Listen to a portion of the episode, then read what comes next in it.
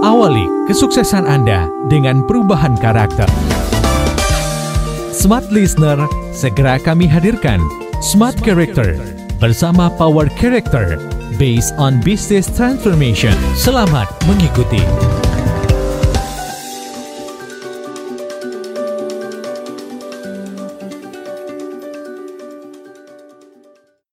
Malam hari ini dua narasumber kita yang sangat powerful banget ya Mas Harmoni dan juga Mas Konan akan berbagi bersama dengan kita self control tuh gimana sih gitu ya. Ya. Kalau saya marah boleh nggak? Kalau saya emosi boleh nggak? Apalagi kalau saya ditipu, ditusuk dari belakang. gitu Waduh, kan. ya, Punya ya, usaha ya, terus ya. kemudian modal dibawa lari. gitu. Waduh. Itu gimana caranya gitu kan? Ya, ya. Saya mau mengawalinya dulu dengan Mas Harmoni ya. Ya. Soal self control. Pada saat hujan begini macet di mana-mana biasanya orang udah pada susah mau kontrol diri. Oh betul ya. Marah-marah. Pengennya emosi, Emosi. ya.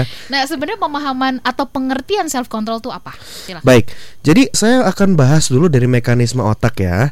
Mekanisme otak kita itu ternyata yang mengambil peran dalam self control atau penguasaan diri itu yang disebut sebagai disdosoratral prefrontal cortex atau PFC yang sering kali kita bahas. Bagaimana prefrontal cortex kita ini berbicara tentang proses analisa, belajar, evaluasi, memilih dan memutuskan. Itu ada semuanya di prefrontal cortex. Nah, namun apa yang menyebabkan kita tidak mampu menguasai diri? Ternyata penelitian membuktikan ketika penguasaan diri itu seperti otot, Mbak Ola. Penguasaan diri itu harus kita latih, harus dibentuk gitu. Dan itu tidak tidak lepas dari pola asuh, tidak lepas dari pola pendidikan kita, tidak lepas dari lingkungan kita, tidak lepas dari belief-belief dan prinsip-prinsip yang kita pegang. Nah, ini menarik. Saya akan kutip dari buku dari Mars Marshmallow ya. Jadi saya sharing dikit ada penelitian gitu berbicara tentang self control ini. Jadi ada 50 anak gitu ya. 50 anak itu berusia kurang lebih masih TK gitu ya, TK dan dikasih marshmallow. Dan setiap anak diberikan trigger untuk kamu jangan makan sampai saya balik ya gurunya. Guru suruh balik ya, ya, kamu oke. nahan. Nanti kalau kamu balik, kakak balik, nanti kamu nggak makan, nanti kakak kasih dua lagi gitu. Nah, anak-anak yang tidak mampu menguasai dirinya dia langsung makan, ditemukan ada impulsivitas. Karakter-karakter yang berkaitan dengan impulsif, agresif, dan sulit menguasai diri. Nah, lalu dikorelasikan dengan pendidikannya, dengan nilai-nilai di sekolah. Ternyata orang-orang, anak-anak yang mampu menguasai diri, ditemukan bahwa anak-anak ini nilai-nilainya lebih bagus dan karakternya lebih baik dan lebih tenang di kondisi di kelasnya. Nah, jadi dalam pembahasan pada malam hari ini menarik nih bahwa self control penguasaan diri ini menjadi bagian penting dalam kehidupan kita, bahkan kesuksesan kita dalam berkarir, hubungan, apa pun yang kita lakukan semuanya melibatkan penguasaan diri. Mhm, Oke, semuanya melibatkan penguasaan diri dan tadi sudah disampaikan sedikit itu prefrontal cortex Ya, kita ya, sangat ya. berpengaruh. Ya. Tapi untuk kemudian prefrontal cortex bisa kemudian dia berfungsi dengan sangat baik, tentu Hmm. harus ada hal-hal atau faktor-faktor yang bisa mempengaruhi begitu kan? Betul, betul. Apakah itu pengalaman, value di luar dan sebagainya. Oh iya, Nah, iya, itu itu iya. gimana? Mungkin Anda bisa memberikan catatan silakan. Ya, ini nanti Mas Konan boleh tambahkan ya, tapi yang pasti adalah prinsip dan nilai-nilai. Berbicara prinsip dan nilai-nilai itu bicara tentang sesuatu yang kita hargai dalam hati kita. Apa yang menjadi penting dalam hati kita. Ketika orang tua kita mengajarkan kita untuk menghargai waktu, otomatis kita menghargai waktu itu.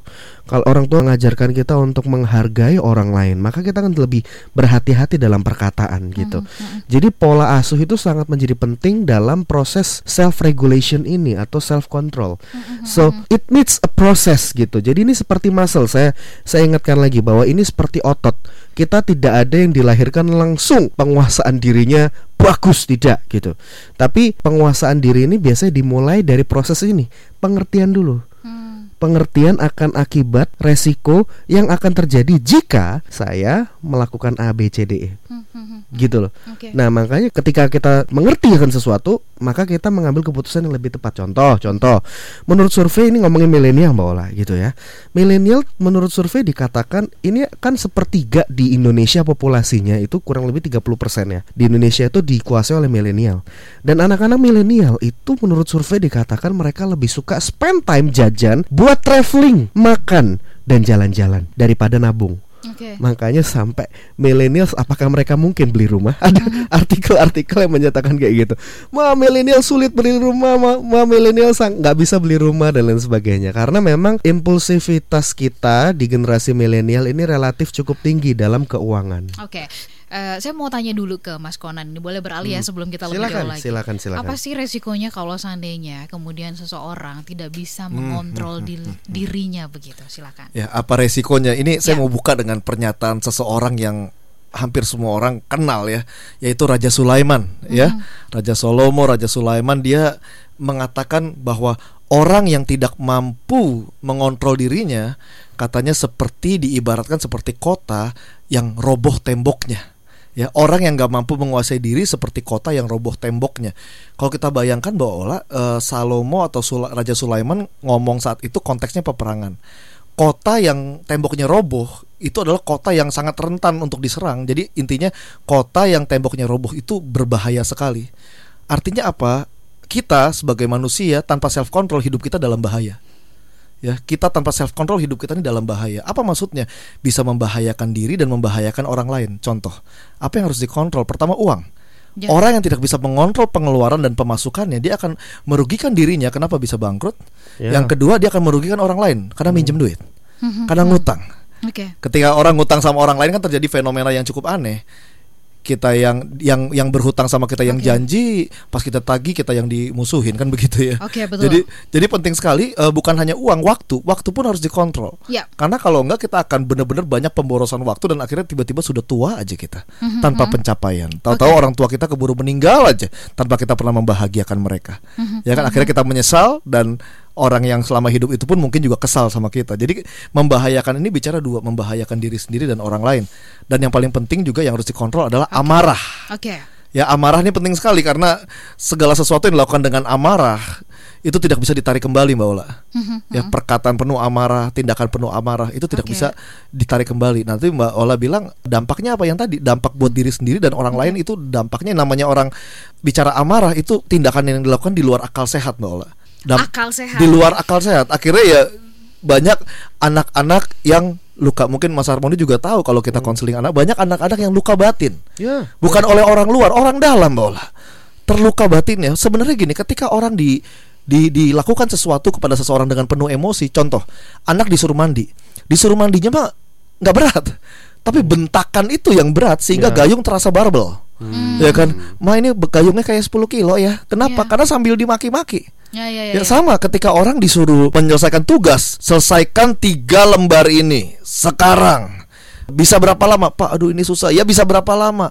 Dua jam, dua jam. Kamu pikir otak kamu nggak ada ya? Dua menit sudah harus di ruangan saya. Ngerti gak kamu? Wah, itu tetap dua lembar itu tetap enteng sebenarnya. Tapi pas dia mengangkat dua lembar dengan makian-makian yang kadang-kadang ada sumpah serapa, itu menjadi sangat berat sekali. Seperti dua kontainer ya. Betul sekali padahal dua lembar kertas. Jadi intinya segala sesuatu yang kita lakukan dengan kalau saya fokuskan ke ke amarah, kontrol amarah, ya itu akan benar-benar membuat macam-macam ada orang luka batin ya kan ada orang bekerja tapi dengan dengan dengan hati yang benar-benar sakit sekali nah itu itu kalau terkait amarah tadi kalau terkait uang bisa kita bangkrut kita ngutang jadi efeknya banyak efek buruk yang melibatkan bukan cuma kita tapi juga orang lain sebenarnya.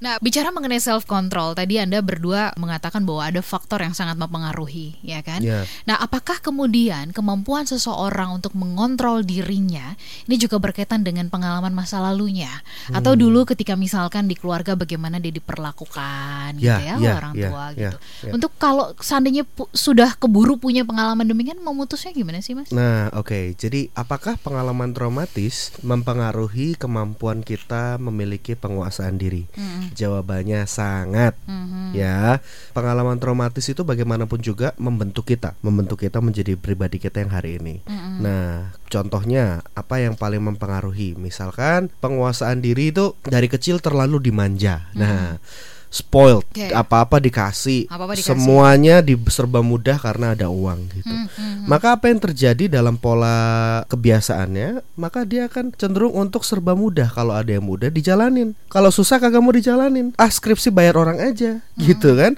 Ah susah ini bayar orang aja gitu. Semuanya serba di shortcut. Semuanya serba mudah. Oke. Nah, akibatnya apa? Pengalaman trauma itu bukan hanya pengalaman yang menyedihkan loh ya, Oke. tapi kebiasaan Oke. yang berulang kali dari pola asuh zaman dulu. Oke. Nah, itu susah sekali gitu. Dan itu mesti di break dengan cara apa? Kalau saya mendidik banyak orang yang rata-rata memang mampu gitu ya anak-anaknya, saya ajarin mereka untuk survival. Punya mindset survival gitu. Oke. Ya, bahwa gimana kalau misalkan papa mama nggak ada Mm-mm. gitu. Bagaimana kalau misalkan gak ada uang? Apa yang kamu mesti lakukan Ya, gitu? Nah, ya. dibiasakan dengan mindset yang semuanya kalau nggak ada, lu mesti ngandelin siapa? Ya, Apa yang mesti lo lakukan? ya. You need to not to rely on other people, but rely on yourself and solve that problem. Gitu. Mulai dari situ. Jadi sebenarnya ketika segala sesuatu serba mudah itu tidak melulu positif, Betul, Tapi kemudian betul. kalau kita juga menghadapi kesulitan tidak melulu negatif, begitu ya Mas Konan ya? Ya. Betul setuju Mbak Ola. Itu bagaimana kita meresponi itu sebenarnya. Ya, sebenarnya kalau kita dikasih banyak fasilitas, kalau kita bisa meresponi itu dengan baik, itu kita akan sangat maksimal dan optimal. Ya, ya. Ya, sama juga ketika kita diizinkan terjadi banyak cobaan dalam hidup, proses dalam hidup yang berat, itu juga kalau kita responi dengan benar, itu pun akan jadi kekuatan sebenarnya. Yes. Jadi dua-dua itu benar-benar sangat akan membuat kita menjadi orang pribadi dengan mental yang bagus, nggak harus saat negatif atau saat positif. Yang penting respon Anda, ya. Dan yang paling penting respon ketika lagi santai-santai saja. Respon Anda bagaimana? Iya. Ya kan, contoh ketika anda lagi di perjalanan Jakarta Bandung, anda naik kereta api tiga setengah jam, itu setengah jam waktu yang sangat santai-santai saja. Nah, anda mau responnya seperti apa? Main game saja tiga setengah jam, atau anda mau baca buku, atau anda mau menuliskan apa yang mau anda raih di tahun ini? Itu hal kecil, tapi pembeda antara winner, ya antara climber, camper, and quitter. Oke. Terima kasih untuk Anda semua yang sudah menyimak. Semoga perbincangan kami ini bisa memberikan semangat, motivasi dan inspirasi untuk Anda.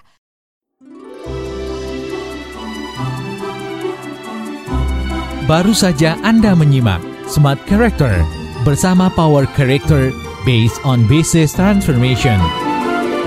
Awali kesuksesan Anda dengan perubahan karakter. Terima kasih dan sampai jumpa.